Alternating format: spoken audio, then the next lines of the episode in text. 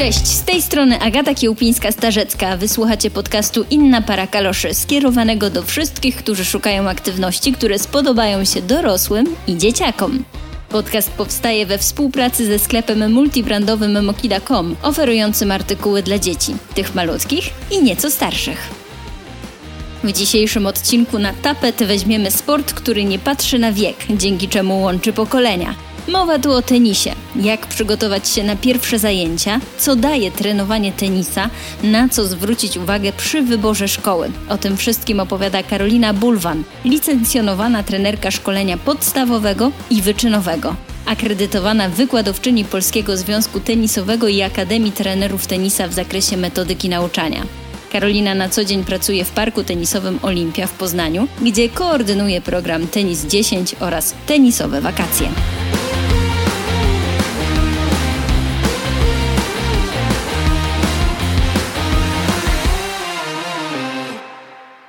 Cześć, witam Cię bardzo serdecznie. Znajdujemy się w parku Olimpia. Dobrze mówię?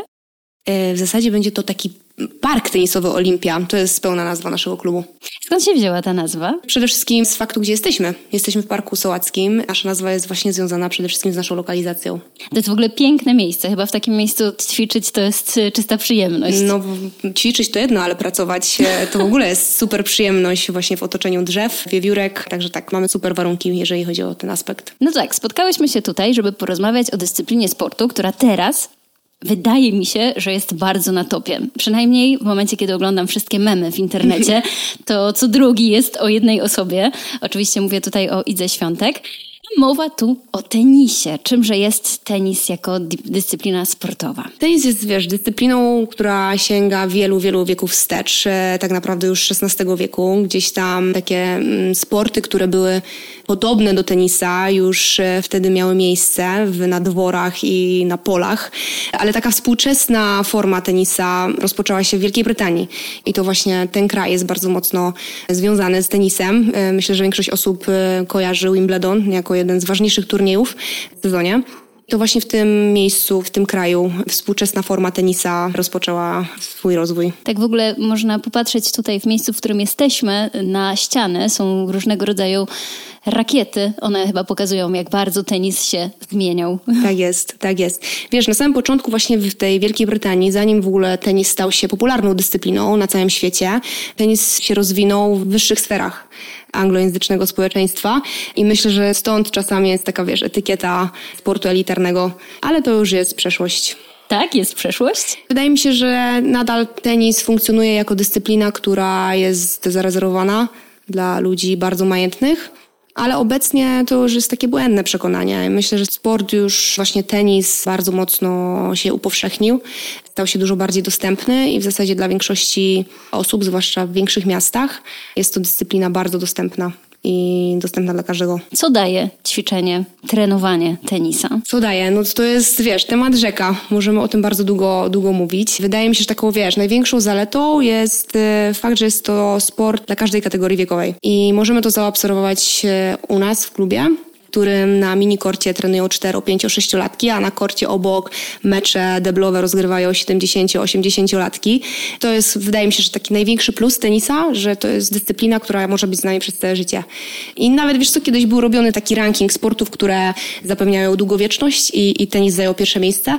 Przede wszystkim z uwagi właśnie na ten aspekt, e, że możemy się rozwijać z tenisem przez całe życie.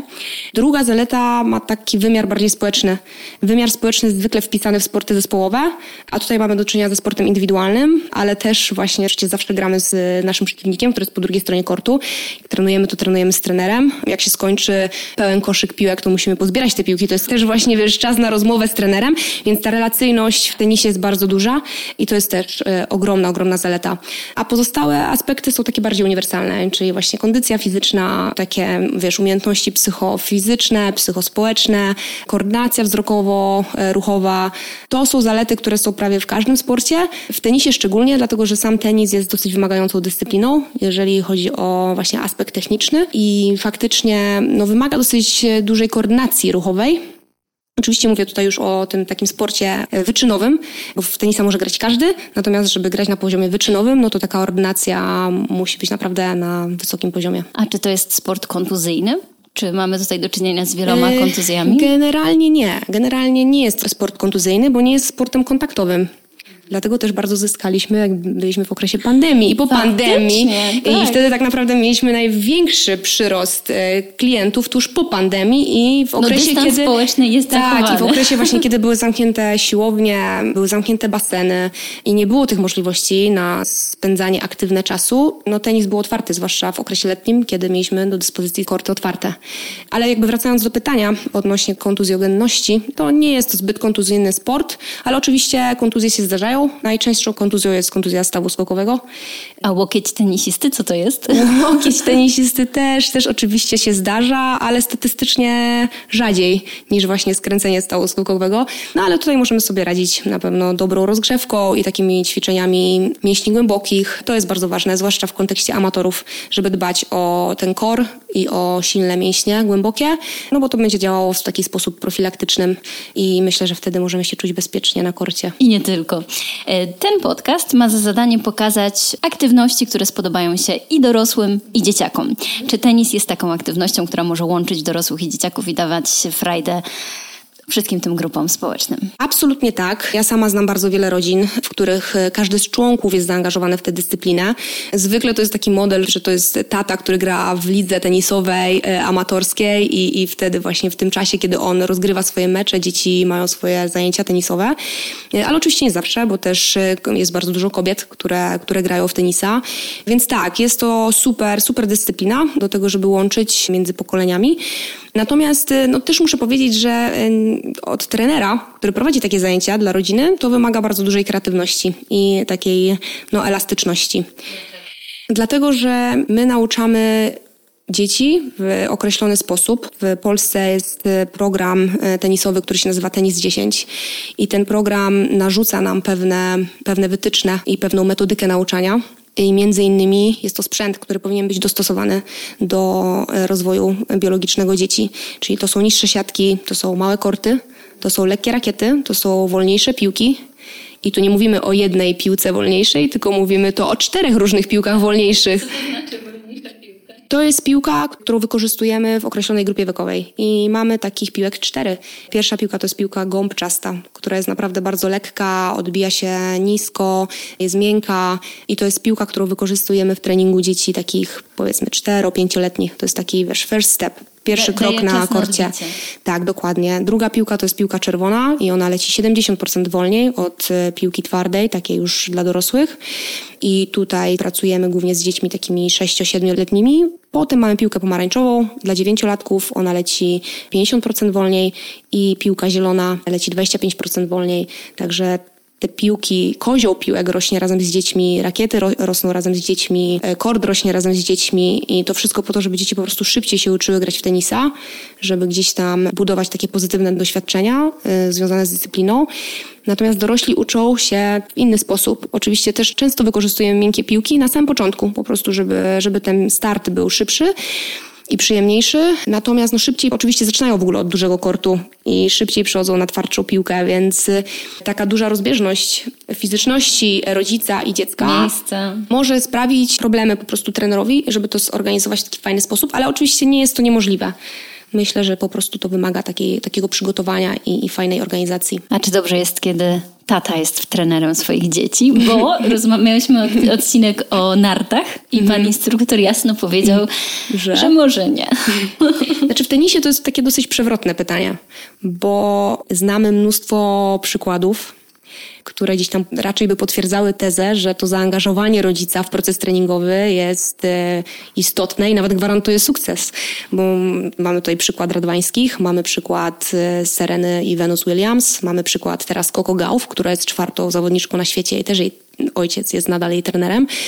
Natomiast no, to są nadal wyjątki i te wyjątki są właśnie bardzo mocno związane z zawodniczym tenisem, gdzie zaangażowanie rodzica jest niezwykle istotne i tak naprawdę ten rodzic jest bardzo, bardzo ważny w procesie i często entuzjazm rodzica i taka wytrwałość tenisa decyduje o sukcesie dziecka. Nie mówię, że jakby jest gwarantem, ale jest to ważny aspekt.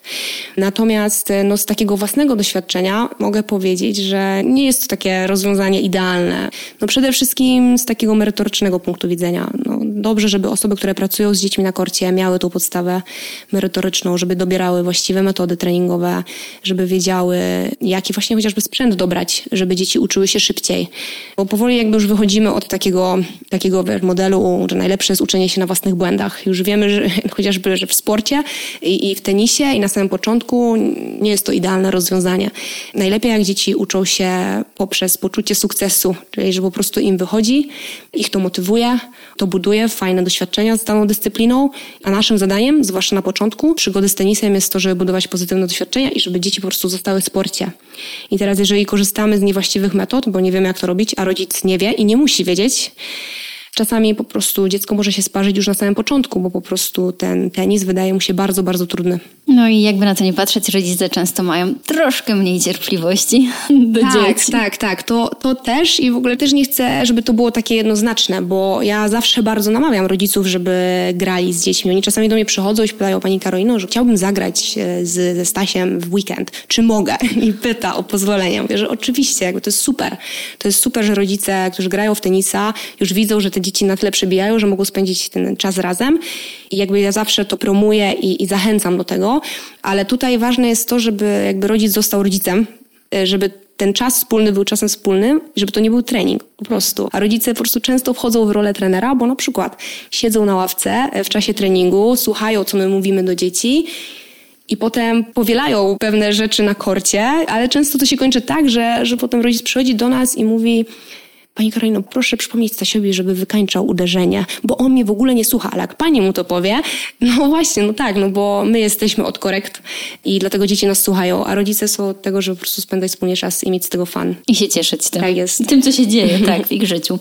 No dobrze, no to teraz e, zastanówmy się, jakby stworzyć taki podstawowy przewodnik dla rodziców, którzy chcieliby, żeby ich pociechy i oni sami zaczęli ćwiczyć e, właśnie grę w tenisa, ale niekoniecznie wiedzą od czego zacząć. No i mnie od razu do głowy przychodzi rakieta. Mhm. I tak wydaje mi się, że to spory wydatek. Jak do tego tematu podejść, a jak ją wybrać, a może niekoniecznie od razu kupować? Jak się do tego zabrać? Tak jak już powiedziałam na samym początku, e, tenis stał się już powszechną dyscypliną i, e, i to ma przełożenie na dostępność sprzętu, Sprzęt jest dostępny naprawdę wszędzie. Już nawet w Decathlonie są dostępne rakiety i to renomowanych firm tenisowych, więc naprawdę to absolutnie nie stanowi żadnego problemu i bariery wejścia. Rakiety możemy kupić za 99 zł i możemy kupić za 1200 zł. A w ogóle rakiet nie musimy kupować, bo w takich ośrodkach większych, na przykład nasz, rakiety można wypożyczyć. E, a dla dzieci to w ogóle są dostępne rakiety na minikortach i w ogóle nie muszą ich kupować na samym początku. Więc naprawdę jakby wydaje mi się, że ten sprzęt nie stanowi absolutnie żadnej przeszkody finansowej. Natomiast jeżeli już chcemy mieć własną rakietę i jak e, ludzie zaczynają grać tenisa i ta dyscyplina im zaczyna sprawiać przyjemność, to dosyć szybko się pojawia ta potrzeba, no to na pewno zachęcam do tego, żeby korzystać z doświadczenia trenerów, bo tutaj e, są ważne pewne elementy, takie jak grubość rączki, jak waga rakiety, jak e, ciężar rakiety. No, w przypadku dziecięcego tenisa to jest w ogóle kluczowe. Natomiast no, w przypadku zaczynamy grać w tenisa jako dorośli, również to ma znaczenie, więc tutaj zachęcałabym, żeby konsultować się przede wszystkim z trenerami, którzy tą wiedzę mają. Co jeszcze potrzebujemy, żeby przyjść na nasz pierwszy trening? Myślę, że porządne obuwie sportowe.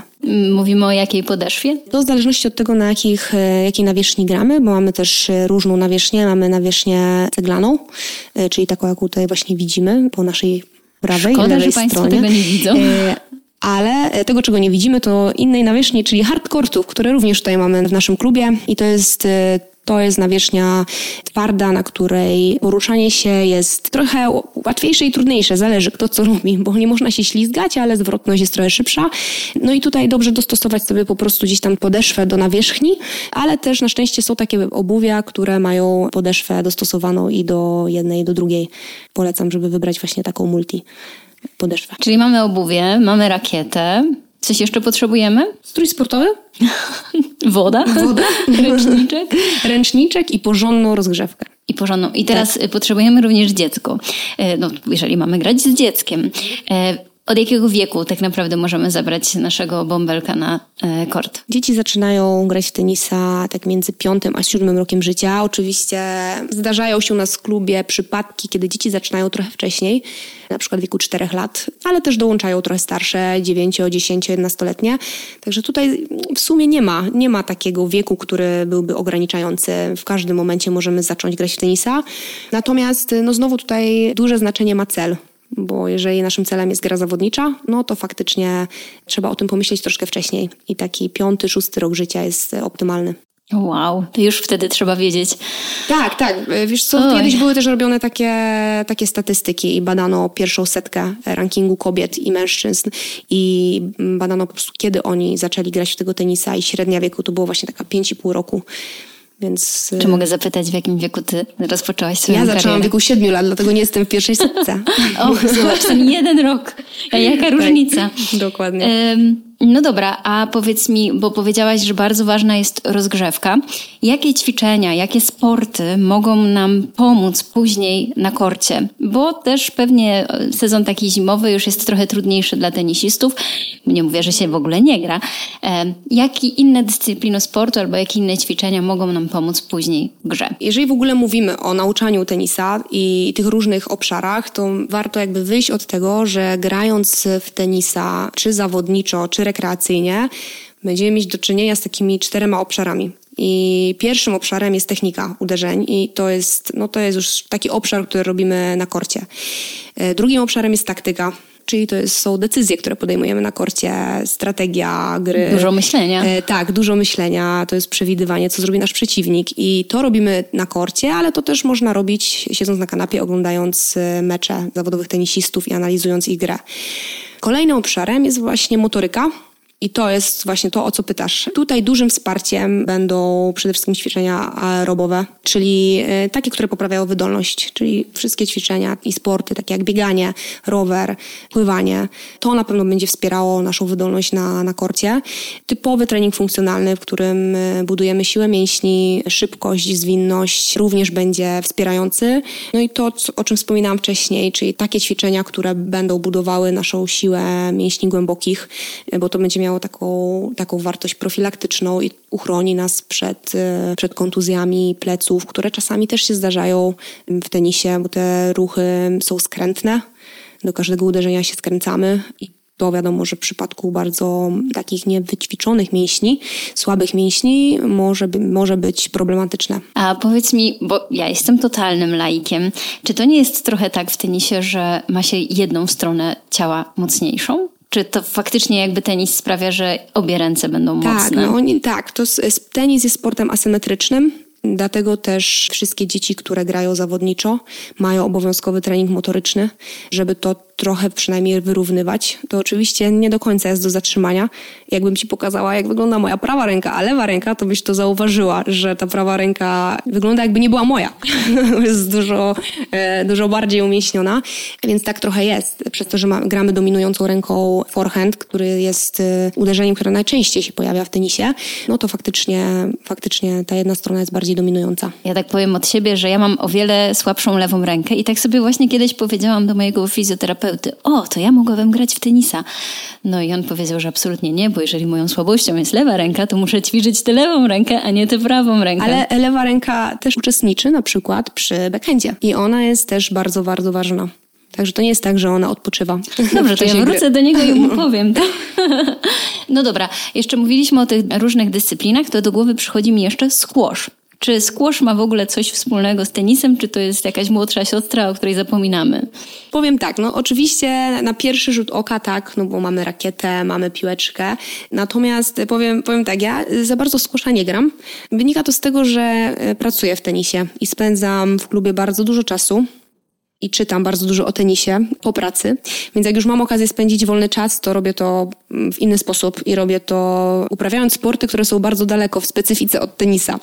Natomiast z kusza zdarzyło mi się kilka razy grać i, i to było się takie zabawne doświadczenie, bo no, nikt nie chciał ze mną grać, bo ja po prostu robię bardzo duży zamach.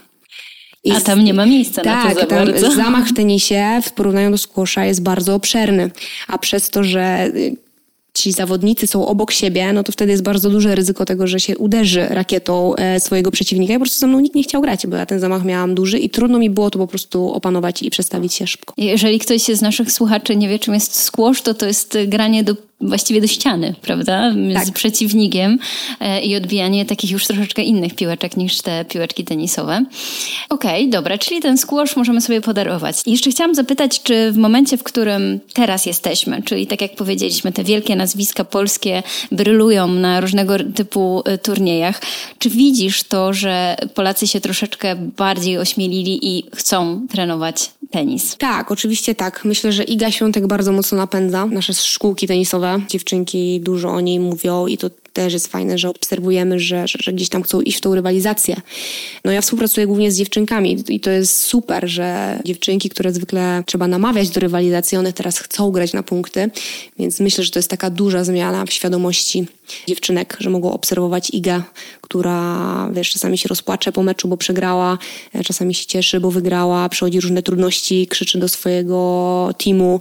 Fajnie, że to gdzieś tam zachęca dziewczynki, e, no pewnie nie tylko dziewczynki, no ale tutaj akurat ta kobieca strona tenisa mocno wybrzmiewa, więc na pewno, na pewno takie nazwiska jak Świątek, jak Hurkacz e, bardzo nam pomagają popularyzować dyscyplinę. I to również się przekłada na aspekty finansowe, bo się pojawiają różne programy, dzięki którym dzieci mogą grać za darmo, czy możemy ich w jakiś sposób dofinansowywać. Także absolutnie, absolutnie mm, to jest nieocenione. No to Iga, wygrywaj. I tak nie jest, tylko Iga. Tak jest. E, dobra, to ja mam jeszcze tylko ostatnie dwa pytania. Pierwsze będzie takie bardzo, bardzo techniczne. Oddam Ci mikrofon e, i powiedz tak od A do Z. Co ma zrobić rodzic, jeżeli chce, e, żeby jego dziecko zaczęło grać. Tak naprawdę dla takiego totalnie zielonego rodzica, który nie wie, gdzie się zgłosić, co znaleźć, co tak właściwie powinien zarezerwować, żeby trochę tak przełamać może ten lęk wśród rodziców. Pierwszym krokiem jest znalezienie klubu tenisowego, który realizuje program Tenis 10. Jeżeli klub jest licencjonowany i ma certyfikat Polskiego Związku Tenisowego, to mamy pewność, że zatrudnia trenerów, którzy są licencjonowani. Jeżeli ci trenerzy są licencjonowani, to znaczy, że odbyli kursy, na których uczyli się metodyki prowadzenia zajęć i uczyli się podstaw tego, więc y, to już jest taki pierwszy krok, który daje nam wstępną gwarancję tego, że to nauczanie będzie dobre. Następnie znalezienie w obrębie tego klubu trenera, z którym nam się będzie dobrze pracowało. To jest zwłaszcza na samym początku i zwłaszcza w przypadku tenisa dziecięcego niezwykle ważne. Właśnie ta relacja z trenerem. Nie każdy nam musi odpowiadać i to też jest fajne, żeby szukać, żeby też nie przekreślać e, tego. I myślę, że to są takie dwa najważniejsze aspekty, o które musimy zadbać, czyli e, lokalizacja, miejsce, klub oraz właściwa osoba. A treningi jak często? Na początku? Na początku, w wieku 5-6 lat, naprawdę wystarczy jeden raz w tygodniu, ale oczywiście nadal warto sobie też ustalić e, cel z jaką intencją dziecko idzie na zajęcia tenisowe. Czy my szukamy jakiegoś obszaru, gdzie dziecko ma się za chwilę sprawdzić na turnieju tenisowym na przykład, czy raczej to ma być jako jedne dodatkowe zajęcia, on ma mieć tylko i wyłącznie z tego fan. Jeżeli, jeżeli to drugie, to wystarczy jeden raz w tygodniu, zajęcia grupowe i jeżeli gdzieś tam pojawi się potrzeba większej objętości, to zawsze możemy to dołożyć. Myślę, że też jakby zbyt duża objętość na samym początku też nie jest dobra. Natomiast jeżeli cel jest zawodniczy, no to tutaj już e, wiadomo, ta objętość e, wzrasta z roku na rok i robi się coraz trudniej e, na pewno, ale oczywiście też na samym początku nie są to jakieś duże objętości. To jest też raz, dwa razy w tygodniu, jedne zajęcia indywidualne, drugie grupowe, potem się dodajemy trochę treningu motorycznego. Proporcjonalnie to rośnie też razem z dzieckiem. Więc początki nie są, nie są trudne. Na początku to zawsze musi być taka dobra zabawa, prawda? Żeby tak złapać z tego bakcyla. Tak jest. Niezależnie od wieku. No dobrze, powiedziałam, że będą dwa pytania, więc jeszcze ostatnie pytanie. Ostatnie pytanie jest e, za każdym razem takie same e, w moim podcaście. Za co ty kochasz swoją dyscyplinę sportu? Bo tak jak już zdążyłam się dowiedzieć, jesteś z nią związana już kilka dobrych lat. Miałaś wzloty i upadki. Za co ty kochasz e, tenis? Jakie masz dobre wspomnienia z tą dyscypliną? Co ci się kojarzy słysząc słowo tenis? Wiesz co, ja w ogóle bardzo dobrze pamiętam moment, w którym wybrałam tę dyscyplinę sportu. E, pamiętam jak siedziałam na kanapie i oglądaliśmy jakiś mecz tenisowy i powiedziałam rodzicom, że koniecznie chcę spróbować grać w tenisa i oni znaleźli właśnie wtedy najbliższe korty tenisowe, a wtedy jeszcze nie było to takie łatwe. Także trochę tak jest, że ja sobie wybrałam tą dyscyplinę sama i moje zawodowe życie, o czym, o czym się później dowiedziałam Natomiast za co lubię najbardziej tę, tę dyscyplinę? Tak naprawdę ja najbardziej ją polubiłam dopiero będąc trenerem i najbardziej ją cenię za to, że, że wymaga bardzo holistycznego podejścia. Wiesz, fakt, że będąc trenerem i pracując z dziećmi, uczę ich nie tylko grać w tenisa, ale buduję ich sprawność fizyczną, uczę ich podejmować decyzje na korcie, uczę ich radzić sobie ze stresem na korcie. To są takie umiejętności, które, które my wypracowujemy na korcie, ale to, to zostaje z dziećmi i przekłada się też na takie umiejętności społeczne i na życie po prostu. Więc y, to jest taki aspekt, który, który bardzo dużo daje i daje bardzo dużo satysfakcji. I ma wpływ na innych ludzi, tak, tak jak jest. powiedziałaś. Bardzo Ci dziękuję za rozmowę. Dziękuję Chciałoby bardzo. się powiedzieć, że od razu idziemy na kort, ale może, może nie w tym stroju. E, ale na pewno zachęcamy wszystkich, żeby chociaż spróbowali, zasmakowali się tej dyscyplinie Zapraszam sportu. do Parku Tenisowego Olimpia. Oczywiście. Dziękujemy Dzięki. bardzo. Dzięki.